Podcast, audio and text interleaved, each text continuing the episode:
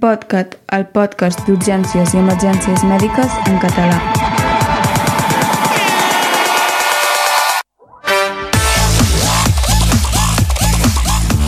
Benvingudes a un nou episodi de l'Empodcat. Si no em desconto, és el sisè. Els còmplices habituals som jo mateix, l'Albert Oms, infermer d'urgències i emergències a l'Hospital de Cerdanya i a la USBA del territori, i a l'Empordà en Xavi Basurto, metge d'urgències també i la USBA del territori. Bon dia, Xavi. Hola, bon dia. Doncs pues sí, tornem a ser aquí un nou episodi i, bueno, si voleu eh, presento ja el tema o fa falta alguna més, Albert? Penso que podem presentar el tema i avui tenim sorpresa, perquè els que ens feu servir per solucionar el vostre insomni potser eh, avui no us acabarà d'anar bé. Va, Xavi, explica què tenim per avui. Com a tema principal del podcast havíem parlat, havíem pensat de parlar sobre un tema que veiem cada dia a urgències, que és eh, el tema de la, de la dificultat de tindre accessos venosos en els pacients i per tant parlarem d'una solució que és la tècnica de la cateterització venosa perifèrica ecoguiada. Com sabem, doncs, tots, eh, molts, la majoria de malalts que venen a urgències eh, amb una certa gravetat necessiten vies venoses i de vegades aquestes vies venoses, accessos venosos, són difícils. I això doncs, retarda el diagnòstic, pot retardar l'inici del tractament, fa que necessitin moltes punxades, eh, això fa que tinguin més dolor, menys satisfacció i doncs, per això es devia inventar doncs, eh, la utilització de l'ecografia per, eh, per aconseguir un accés venós i eh, com a novetat de, en podcast d'aquest episodi doncs tenim eh, una companya nostra que és experta en aquest tema de les cateteritzacions de vies venoses perifèriques i que avui ens acompanyarà i ens explicarà aquest tema. És la Laia Selleres, que és infermera a urgències de l'Hospital de Figueres i a la, i a la, i a la USBA 606 i que és doctora per la Universitat de Girona des del 2018 i concretament eh, el seu treball de la tesi doctoral eh, anava sobre aquest tema de les cateteritzacions ecoguiades Uh, i per això la tenim aquí doncs, perquè ens, uh, ens il·lumini una miqueta i, bueno, i ens ajudi uh, a incentivar aquesta, aquesta tècnica que podem fer servir doncs, a la majoria d'urgències hospitalàries.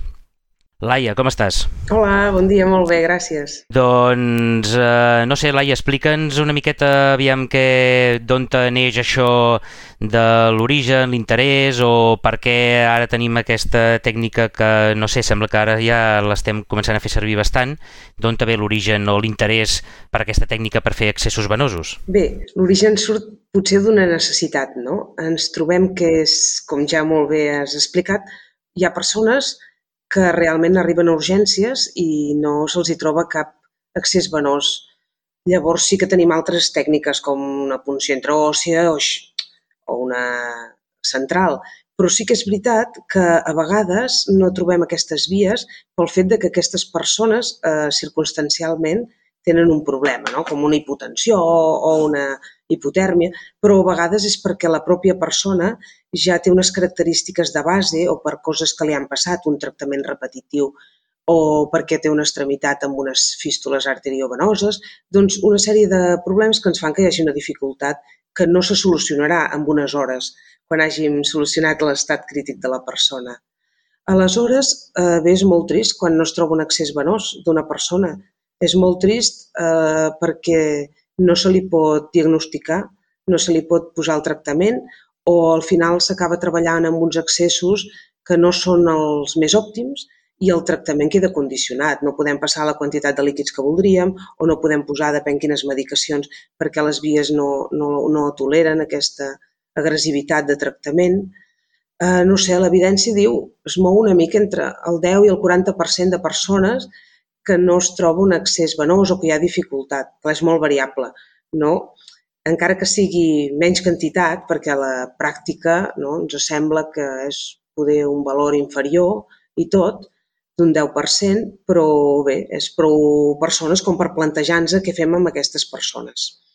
Aleshores, va ser així com vam dir, doncs començarem a provar eh, com els hi busquem un accés. I l'ecografia ens va semblar una bona solució vam començar perquè va ser un boom de que l'ecografia s'utilitzava en vies d'accés venós central. No és que a nosaltres se'ns ocorrés això, sinó que es començava a utilitzar en molts països i s'estava extenent l'utilització de l'ecografia per posar vies centrals. Aleshores, gràcies a això, nosaltres vam extendre-ho a les vies perifèriques, que també va començar a utilitzar-se en diferents hospitals. Però eh, l'Hospital de Figueres vam començar, era el 2012, perquè tres metges en concret eh, van començar a formar infermeria en aquesta tècnica i aleshores doncs bé, vam anar formant més professionals i doncs aleshores no s'utilitzava gaire. Eh, pràcticament si feies un, anaves buscant per hospitals no hi havia cap hospital a Catalunya que estés utilitzant aquesta tècnica. No ens vam formar una mica tots alhora, no? Ara que sento això del 2012, jo intento recordar quan va ser la primera vegada que vaig servir la, vaig fer servir l'ecògraf i quan he llegit 2012 he dit, home, sí, sí, sí. Conyo, doncs no. Uh, jo crec que la primera vegada que vaig fer servir això, igual estem parlant de 2015 o 2016 tranquil·lament en el meu cas. Eh? Que el temps passa, eh? no, no ho sembla, però passa. Sí, crec que vam ser força pioners, eh? la veritat. L'Hospital de Figueres, mira. Eh, escolta, Laia, jo tinc una pregunta. Quan parlem d'aquest 10-40% de, de, de via difícil. Què vol dir això de via difícil? Que el punxes una vegada i no te'n surts? Perquè si és el cas, jo estic més a la banda del 40 que del 10. O, o és un altre... Com es mesura això? Es considera que el que ens diuen les guies una mica eh, d'actuació, que és un accés venós difícil quan una persona experta no pot introduir un catèter amb més de dues opcions. És a dir, amb dues opcions no ha pogut posar aquest catèter. Per ser una persona una mica experta, eh? no s'hi val no? de ser infermeria que estigui avesada a posar vies. No, sí, que dos a la segona, si, si, si has de fer una tercera, via difícil. Exacte.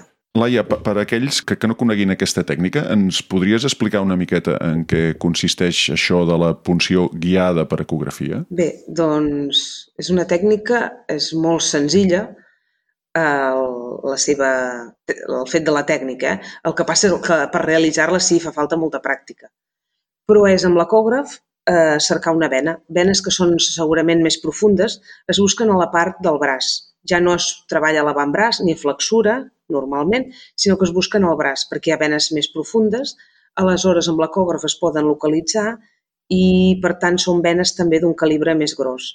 Aleshores, en un cas de que hi hagi una hipovolèmia, accedim a aquestes venes i ens permet posar catèters més gruixuts, catèters més llargs i més gruixuts que això també contribueix a no, la qualitat que estem donant d'assistència i de tractament. Mm, suposo que per, per l'ecògraf es fa servir la sonda... bueno, tots fem servir la sonda linear, aquella que és plana, que ens dona doncs, què, fins a 3-4 mm. centímetres de profunditat. Sí.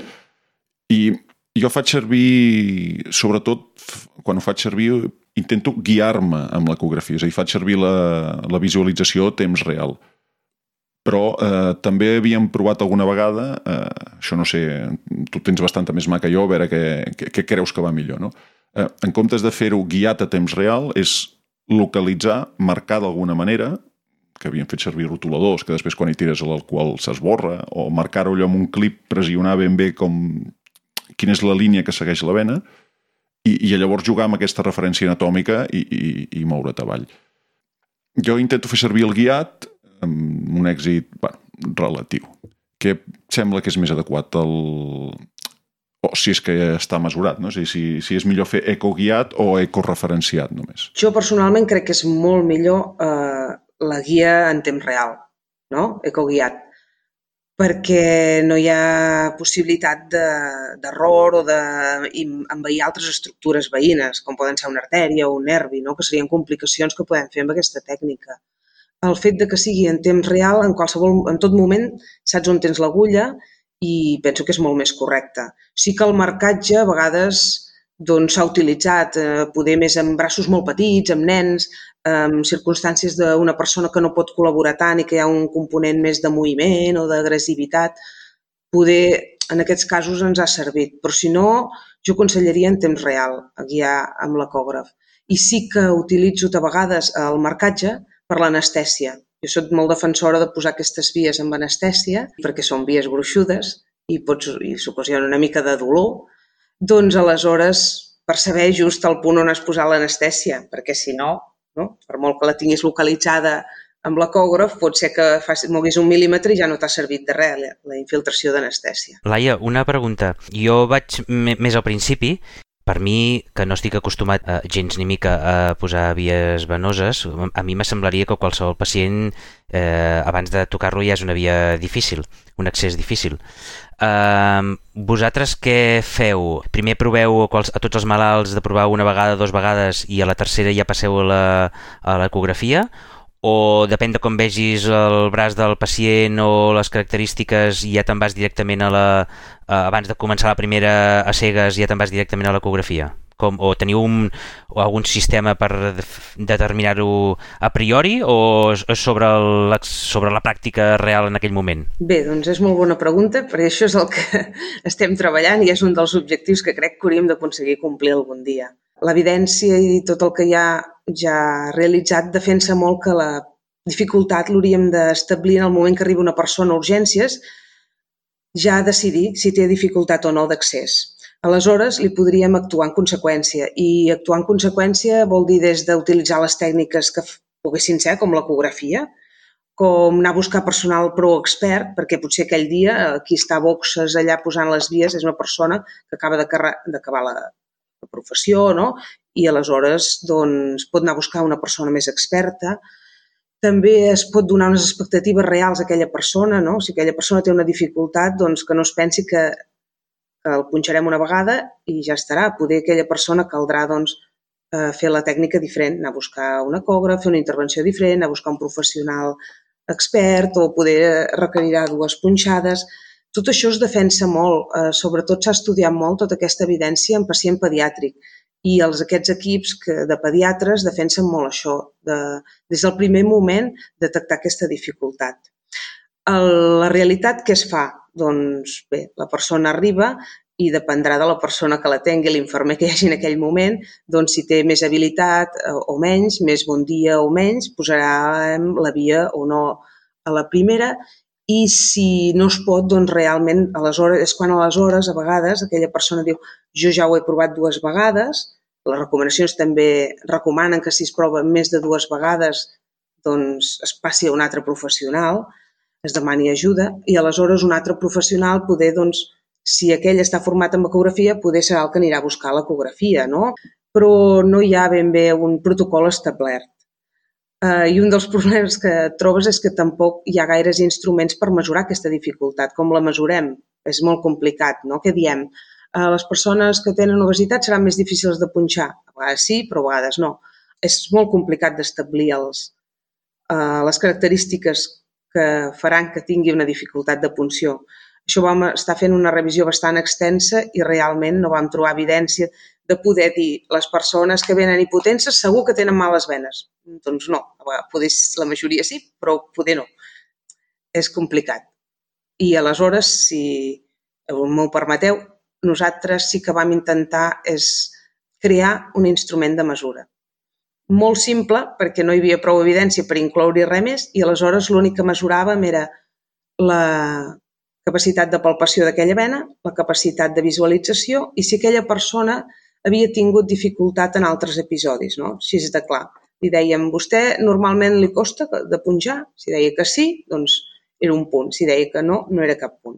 I els altres ítems, i amb això doncs, es creava una puntuació que anava del 0 al 5 i aquesta escala, eh, bé, doncs la vam publicar l'any passat, eh, per tant, ara està validada i eh, bé, la idea és que es comenci a utilitzar i a veure si a partir d'això no, podem crear algun protocol o alguna... I, I amb el que veu fer de recerca, us, va, us, eh, les dades us indicaven de que, que sí que realment us identificaven aquells pacients que, tenien que tindrien dificultats en l'accés venós o, o, o, o què, què, us, què us deien els resultats que veu fer? Sí, sí, sí, sí eh? va sortir que era, un, que era un instrument prou fiable eh, sí que tenia més fiabilitat en quant a detectar els que no presentaven dificultat que no els que presentaven dificultat.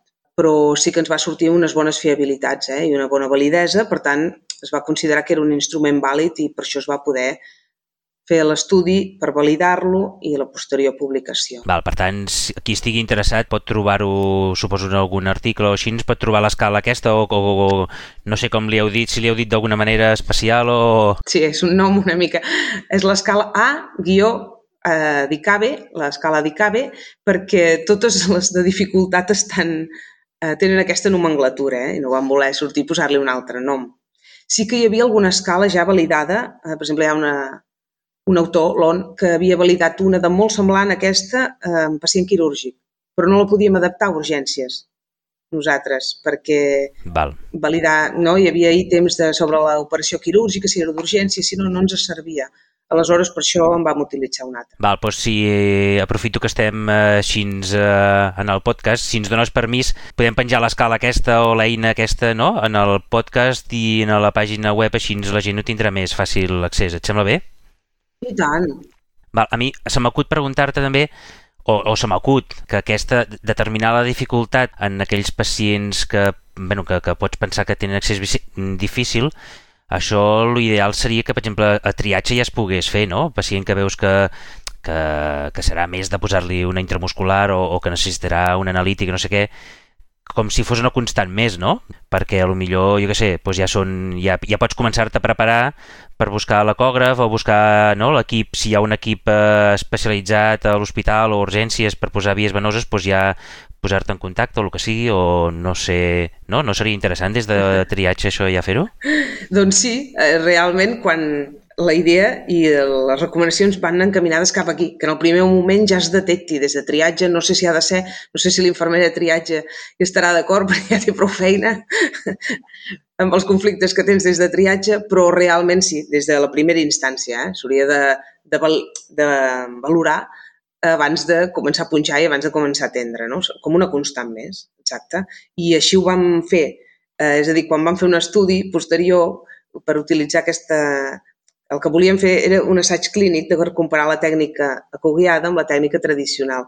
Aleshores, per saber els pacients que tenien dificultat i que havien d'entrar, el que fèiem era això. Quan entraven a l'hospital els hi mesuràvem la, la dificultat amb aquesta escala. Val. I això podria servir també per... Eh a mi el, també el tema és un tema que m'agrada molt, és el tema del dolor i l'analgèsia. Penso que potser també seria, seria, no sé com feu l'analgèsia la, perquè no tingui dolor quan feu la punció així, no?, en el braç i tal. Què poseu, EMLA o poseu, o, o és una anestèsia així, eh, com, com ho feu això? Perquè potser depèn què es faci també es podria fer des de triatge, no? No ho sé, eh? M'ho invento ara mateix. Sí, si fos l'EMLA, que tarda molt en actuació, es podria posar des de triatge, és una bona idea, Xavi. El cert és que això de l'analgèsia i l'anestèsia és molt personal, de cada professional. És curiós que fa una mica... No hi ha cap protocol establert, que crec que s'hauria de treballar això, i tothom fa una mica el que bonament pot o sap. Aleshores, jo crec que ara eh, s'està posant bastant eh, anestèsia subcutània per posar aquestes vies. I realment és una mica no, cap on va la tècnica, no? perquè s'utilitza si s'introdueix un pic o un midline, no? són catèters que hi ha un dilatador que realment estàs ocasionant una mica de dolor. Eh? Però sí que és un tema poc protocolitzat encara quan preguntes en els infermers, i això jo m'hi vaig dedicar perquè vaig fer una mica un estudi qualitatiu, tothom està molt preocupat pel dolor, però realment pocs professionals tenen temps o, o prou formació per fer-ho.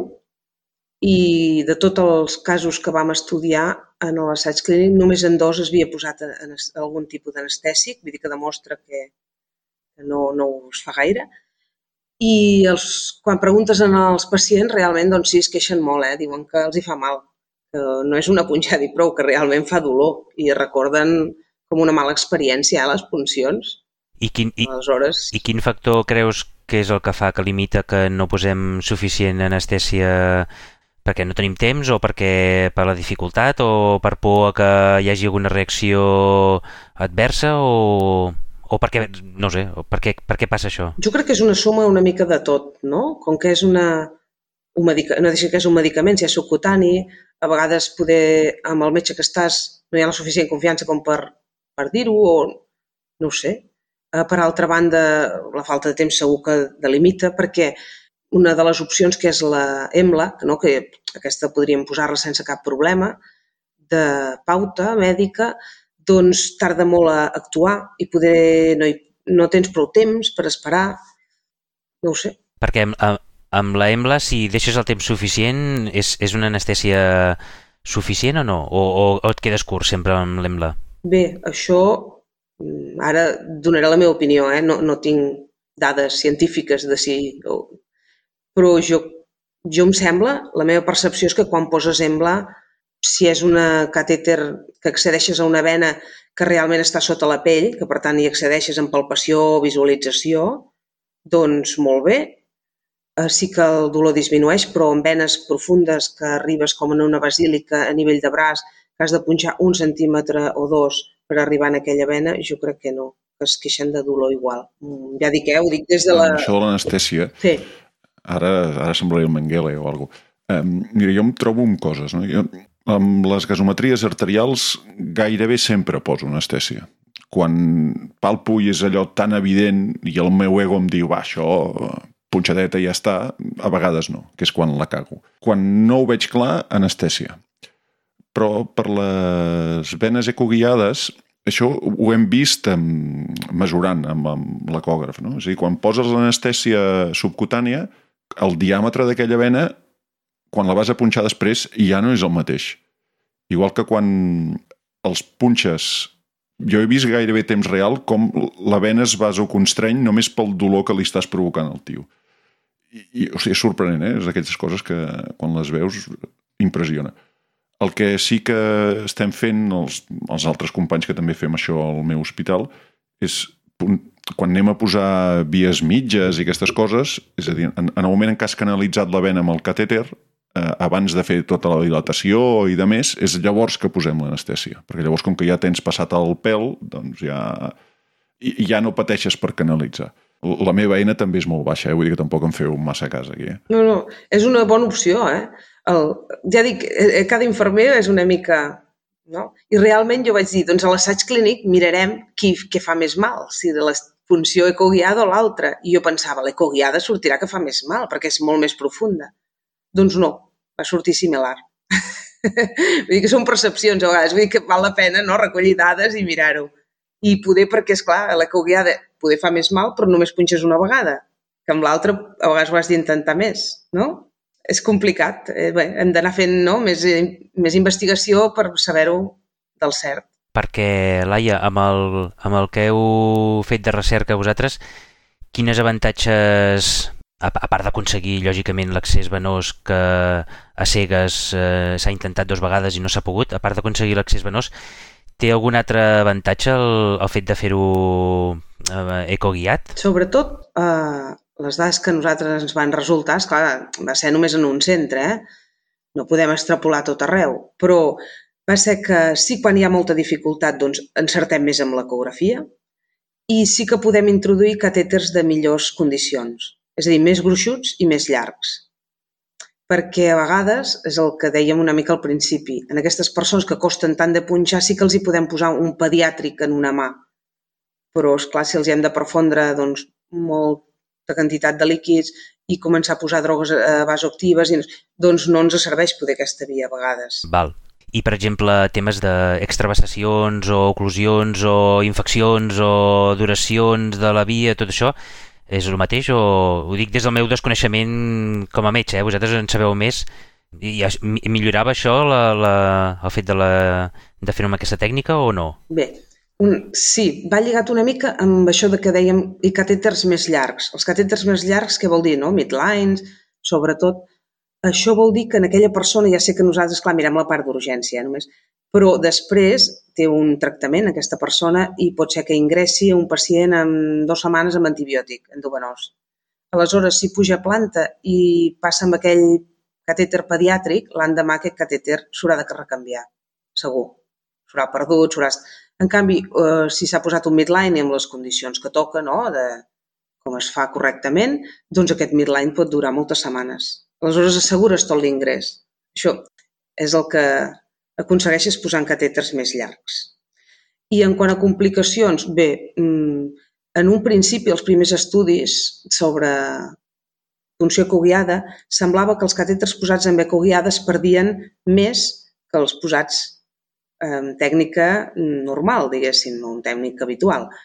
I bé, s'ha anat de... Altres estudis ja ho han... ja s'ha vist que no, que era al principi. Eh, segurament per la pròpia tècnica, eh? és la meva idea. És perquè quan tu poses eh, el catèter ecoguiat, a vegades estem pressionant una mica eh, aconsegueixes introduir el catèter i després al retirar el pes de l'ecògraf aquell catèter eh, tira enrere i està molt més proper a l'extravasació. Aleshores es veia que a la primera hora es perdien molts de catèters posats en tècnica ecoguiada, però ara actualment no, i en l'estudi que nosaltres hem anat realitzant no, no, no ho hem trobat. Sí que les complicacions, jo penso eh, personalment que poden ser diferents. Les complicacions d'un catèter normal, posat en tècnica habitual, eh, són, els coneixem tots els professionals, no cal dir-les, eh? però posats en beco guiada, aquestes complicacions els podem trobar a un altre nivell, a dos centímetres. Aleshores, eh, clar, una punció arterial a aquest nivell no és el mateix. Podem provocar un compartimental, podem provocar un sagnat que no es pugui pressionar. S'ha de tenir en compte els factors de coagulació. En aquest nivell, una extravassació eh, doncs pot ser que no es detecti o que quan es detecti sigui molt tard. Una flavitis igual, no es detecta ja per el fet de que, de que la via es vegi una mica vermella o una mica de dolor cutani. No, no, clar, tenim aquest catèter introduït a un altre pla, no? Bé, jo crec que les persones haurien que es remenen aquests catèters, encara que no els hagis posat tu, si ets infermer, doncs tenir en compte això. Això crec que és important. Val, i deies que, mm, si no ho he entès malament, que el tema del dolor era similar, us va resultar similar més o menys per via sí. habitual i per via coguiada. Sí, sí, sí. I se m'acut eh, pensar amb el, el, el temps que la infermera hi dedica en aquest pacient i tal, interpreto que deu ser més llarg si és per via ecoguiada que no pas per l'habitual, no? O no? Jo personalment penso que sí, que és llarg, no? Que el dia que has de posar una via ecoguiada doncs tardes molt més que no pas eh, un catèter normal que en fas molta via. Eh, a més a més, això se suma que no tots els professionals saben ja fer servir aquesta tècnica, aleshores et passa que quan tens no, urgències ben ple de personal, que ja sabem els que treballem urgències a vegades com està, t'avisen que pots anar a punxar aquell senyor que ningú el pot punxar amb l'ecografia. Bé, doncs és un, un extra de feina. Però quan vam intentar mesurar el temps, això ho fèiem, però esclar, és molt complicat de mesurar eh, nosaltres mesuràvem a partir del moment que començaves la punció, no? Clar, no mesuràvem el temps d'anar a buscar l'ecògraf i sortia molt similar el temps. Perquè, és clar, una vegada ja tens l'ecògraf, si tens una mica de destresa, doncs els temps mesurats per les infermeres d'allà urgències sortien similars. Jo, personalment, crec que és superior el temps. Per això ens aniria molt bé tenir personal, no sé, un equip de, de funció difícil, per exemple, no? T'agradaria tenir això a l'hospital. És qüestió de demanar-ho. Bueno. Escolta'm, i relacionat amb això últim que dius, eh, per exemple, nosaltres eh, a nivell mèdic, eh, quan, per exemple, ara, eh, ara fa temps no, que estem introduint l'ecografia no, per, per fer mm, diagnòstics de coses més urgents, que sempre hi ha un, un, un pool de professionals que són una miqueta més reticents no? a noves tècniques, eh, eh, sobretot tècniques que, que potser necessiten doncs, jo sé, tecnològiques i aquestes coses, els hi costa una miqueta, o són una mica més reticents. Uh, vosaltres us passa el mateix que hi ha, o, o, o al contrari, no? que us és molt, molt fàcil engrescar la gent a que, a que adquireixin aquesta habilitat o creus que el, al revés, no? que, que, és, que us és difícil i que només dos o tres esteu interessats en el tema i que necessiteu molt incentivar-ho molt i, i, i fer-ne molt màrqueting perquè això s'estableixi o, o com, com ho veus tu això, en un futur en, en pocs mesos o poc temps serà una cosa habitual amb, tot, amb tota infermeria que ho sàpiga fer? Jo crec que amb tota infermeria no, perquè per una banda això que dèiem, hi ha professionals que no, no, no els hi aporta res que no creuen necessari. Realment és molt difícil que una persona no se li aconsegueixi un accés de cap manera. Un accés, vull dir, a nivell d'urgència, sigui intraòcia o sigui un catèter, el que dèiem, un pediàtric posat en algun lloc, realment, quan treballem al carrer, jo, per exemple, al carrer no hi veig cap utilitat l'ecografia per vies endovenoses perquè requereix un temps que en el carrer no el tenim. no? Eh, aleshores, molt professional d'urgència, molts no, però uns quants pensen això, que no és necessari. Nosaltres, els que creiem que sí, és perquè ja mires una mica més enllà, no? de solucionar aquell ingrés, de solucionar tot un tractament en una persona, no? de eh, no haver-lo de punxar tantes vegades, no? mires més matisos, no sol fet de trobar la via i prou. I, i series més partidària de que la, la, aquesta habilitat la, la tingui de forma extensiva la majoria de la gent o de fer, com dieu, no? algun equip que ha especialitzat en això que passa que a nivell de tot l'hospital o a nivell d'urgències seria això? És complicat, això. Per una banda, eh, està bé que tothom tingui accés a poder-se formar amb això, però és que realment és una tècnica que requereix bastanta pràctica. Jo penso que no n'hi ha prou en voler-ho, en fer-la i prou de tant en tant. Aleshores, si tothom l'utilitza, l'utilitzes de tant en tant, perquè, esclar, tampoc hi ha tant de personal que necessiti aquesta tècnica i poder no acabes mai d'agafar prou expertesa. Uh, sembla que les recomanacions i les guies de pràctica clínica s'encaren més a demanar un equip de via difícil. Aleshores, això tindria la seva explicació perquè hi ha un pool de persones formades i jo penso que ha de ser a nivell de tot l'hospital, no cal d'urgències, no? Però jo, un dels hospitals propers que té equip de via difícil, sí, és un hospital, el, el Trueta, no?, de Girona, un hospital, clar, d'un altre nivell, eh, aleshores té un equip de via difícil i aquest equip arriba al matí i passa per totes les plantes que es necessiti que hi hagi persones amb dificultat de punció i va solucionant aquests casos eh, no és tant a nivell de l'urgència aquella, el que dèiem, no? Arriba algú que no se li troba cap via, doncs agafem l'ecògraf. No, sinó aquella persona que ha ingressat necessita un tractament i estem tirant amb aquells 24 de mala qualitat que cada torn s'ha de canviar la via, que no té venes, no té... Ells arriben, posen el pic corresponent o un midline, solucionen aquell ingrés. Està més enfocat cap aquí. Bé, no ho sé, tot té coses, no? punts a favor i punts en contra, suposo perquè, és clar també està bé que tothom es pugui formar amb aquesta tècnica, no? si no sembla que els exclous una mica i després les persones en els hospitals que hi ha equips de via difícil se senten exclosos. Tampoc és això, no ho sé. Sí, el problema, bueno, jo penso que passa el mateix que ens passa amb, amb moltes altres tècniques i moltes altres coses a urgències, que, que a urgències està obert les 24 hores del dia, 365 dies l'any. I trobo difícil que millor puguis tindre un, no, un equip expert en aquesta tècnica pues, tots els dies a les 3 de la matinada. Clar, no, és, és com... és difícil, no? I més, no, amb el canvi, no, amb el turnover que tenim de professionals i tot això, és, és com a nivell hospitalari, si és un hospital una miqueta d'un nivell que no sigui un comarcal, potser és més fàcil que, que en horari laboral hi hagi un equip d'aquests, però clar, ja les 24 hores del dia sembla com una cosa del segle 22, com a mínim.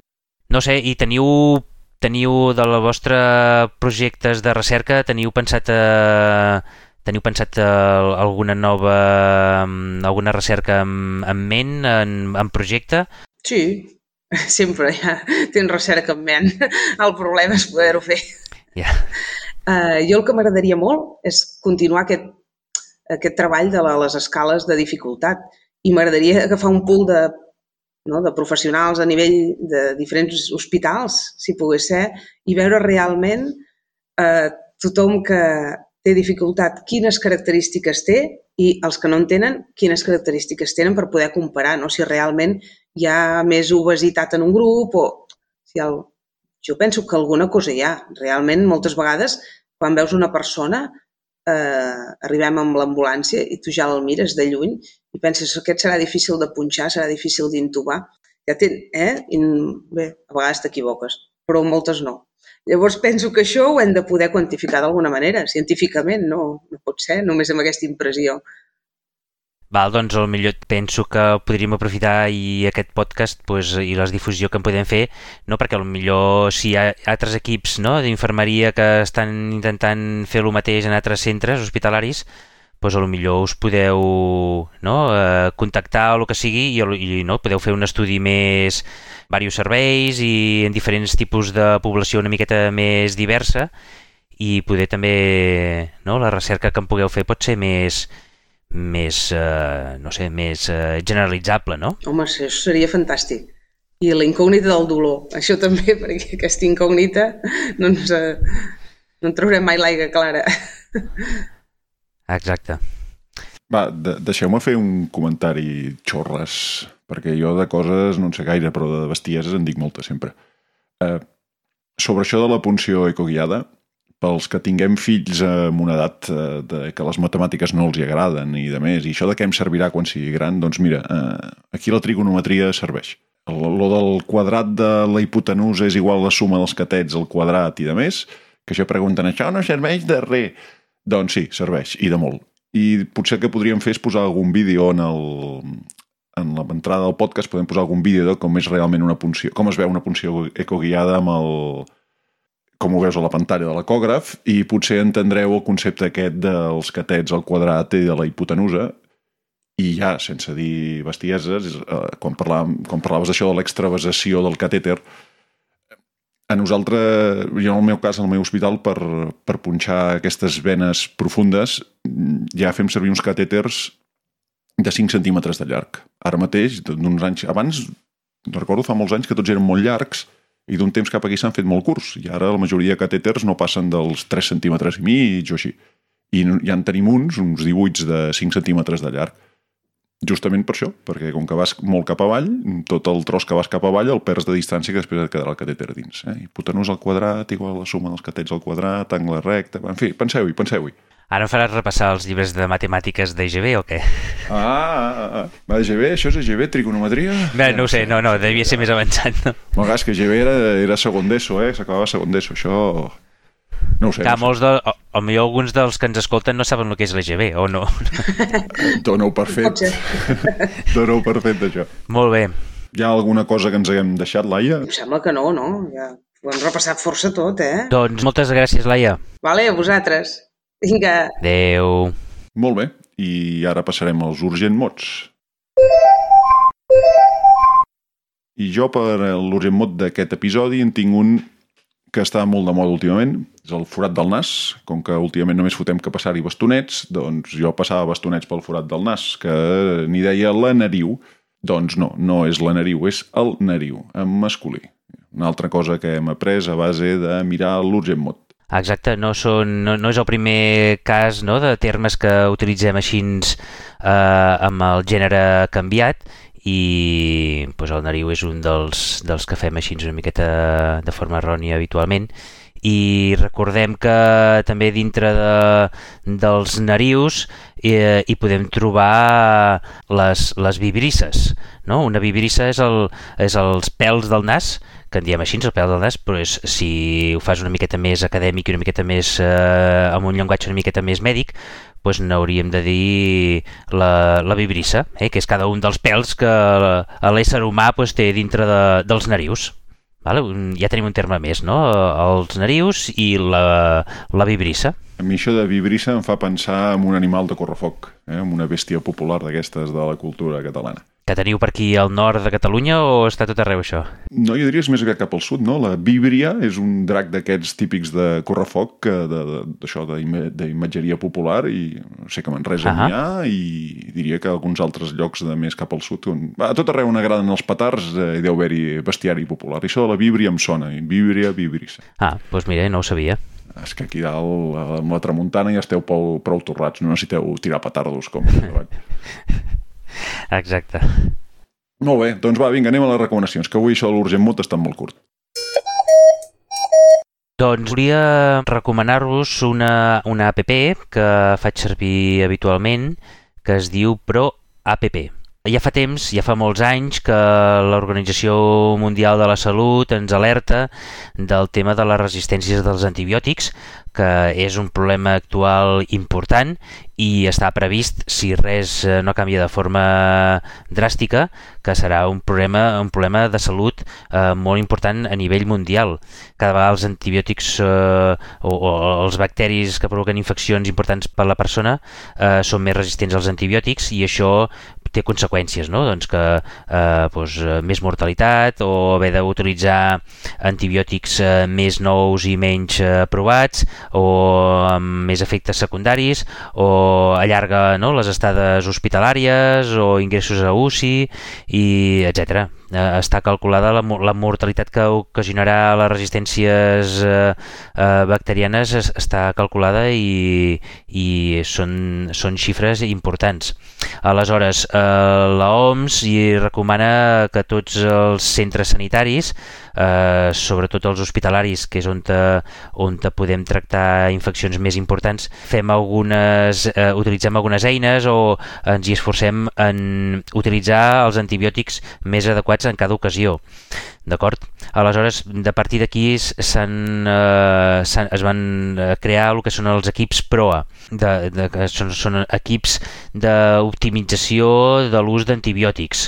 I es recomana que tots els hospitals en tinguin, format per eh, diferents eh, professionals, com a mínim hi ha d'haver-hi un clínic eh, expert en infeccions i un, eh, i un farmacèutic eh, hospitalari, però a més a més doncs, eh, també doncs, un microbiòleg, eh, un preventivista, eh, etc. Que sigui un, un equip multidisciplinar eh, que dissenyin en funció de les resistències que hi hagin a cada centre o a cada zona, dissenyin doncs, quin és l'antibiòtic d'elecció, quins són els antibiòtics de segona línia en cada una de les infeccions.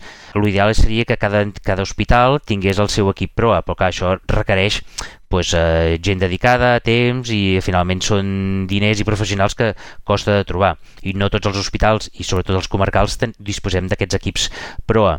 Jo eh, faig servir aquesta, una app que es diu PROA app que us la podeu descarregar de forma gratuïta i que eh, és relativament propera, depèn on estigueu vosaltres. Eh, és una app que fan eh, l'Hospital de Lleida Arnau de Vilanova i juntament amb l'Ix i realment és, molt, és una app molt senzilla, molt pràctica, en la qual eh, hi ha bàsicament tres, dos, dos, dos possibles entrades, que una és els protocols i l'altra són les calculadores. Les calculadores són les que ja coneixem nosaltres, que, les que ens ajuden a, a, a saber pues, eh, la gravetat d'una sèpsia, la, la gravetat d'una pneumònia, eh, t'ajuda a calcular pues, dosis de fàrmacs eh, d'antibiòtics en pacients amb insuficiència renal, t'ajuda a calcular el pes ideal del pacient, etc. Totes les calculadores que pots necessitar a l'hora de pautar un antibiòtic.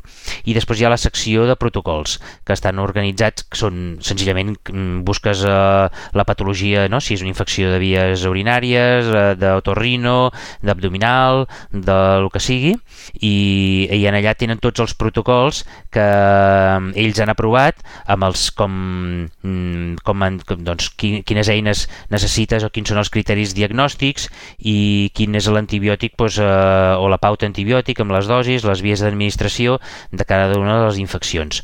I realment són, eh, està, o sigui, és molt extens i tens eh, qualsevol tipus d'infeccions i a més a més està, penso jo, bastant actualitzat. Vull dir, molts dels protocols són eh, actualitzats del 2000, d'aquest any del 21 o del 20 o del 19, vull dir que, es, que estan actualitzats. I tenim l'avantatge de que, que són d'aquí en, són de, de la nostra, no, del nostre entorn, vull que no fem servir eh, protocols pues, que es puguin estar fent servir pues, a pues, no sé, l'altra punta de la península o d'Estats Units o de no sé on. Val? Per tant, les, les resistències les resistències dels bacteris als antibiòtics són més locals. L'ideal seria que fossin del nostre centre, però en, en cas de que no en tinguem, doncs, eh, almenys podem fer servir els de Lleida, que estan molt bé. I és una app que es diu Proa App. Si podeu, us la baixeu i li feu un cop d'ull, que és molt fàcil d'utilitzar i penso que és molt... que ens pot servir de molt. molt bé. Tu no sé si, Albert, si tenies alguna altra, alguna altra recomanació? veure, pels... Sí, sí, jo en tinc, jo en tinc una, que passa que ara, ara quan et sentia parlar d'això de les resistències dels antibiòtics, eh, hòstia, tenim un problema, eh? tindrem un problema, realment. Sí, sí. Uh, hem, hem viscut una època, ja no només amb els antibiòtics, ja ara m'estic posant massa filosòfic. Va, res, res, va, anem a la meva recomanació. Mira, jo seguint amb el tema d'avui, que anava d'ecografia, um, us vull recomanar un lloc web que de fet és la suma de dos llocs webs anteriors, que també tenen podcast, primer eren d'àudio, després també són vídeo, es deuen dir podcast o com que es digui això, vídeos curts, no? Que es diu coreultrasound.com.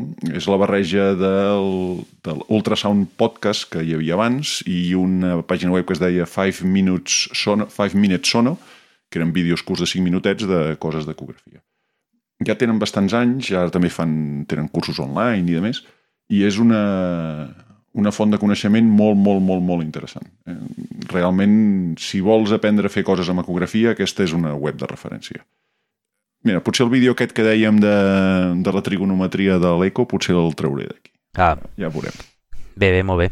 I pues, suposo que eh, en el, en la pàgina, no? en la pàgina web de l'Empodcat ja, els, ja tindrem l'accés, no? l'enllaç a aquestes apps i aquestes recomanacions. Suposo que si aneu allà, doncs, eh, ràpidament clicareu allà i aneu directament a l'enllaç de l'app i del, i d'aquesta pàgina que ens recomana l'Albert, no? Sí, de fet, a cada episodi posem les recomanacions i em sembla que fa el mes passat, crec, o fa dos mesos, ja vaig obrir un, un apartat a la, al lloc web de l'Empodcat on anem posant els recursos que hem anat eh, descrivint a cada un dels episodis. I fins aquí l'Empodcat d'avui. Eh, donar les gràcies de nou a la Laia, que ha vingut a explicar-nos eh, aquest tema de la punció coguiada. Recordar-vos a tots que si teniu alguna cosa que creieu interessant a compartir amb els demés, que poseu-vos en contacte amb nosaltres i podem plantejar-nos fer una gravació, un podcast plegats. I res més, que vagi molt bé i fins a la propera. Molt bé, doncs exacte, fins a la propera i encantats de tenir-vos aquí eh, per parlar del que a vosaltres us sembla interessant. Fins a la propera.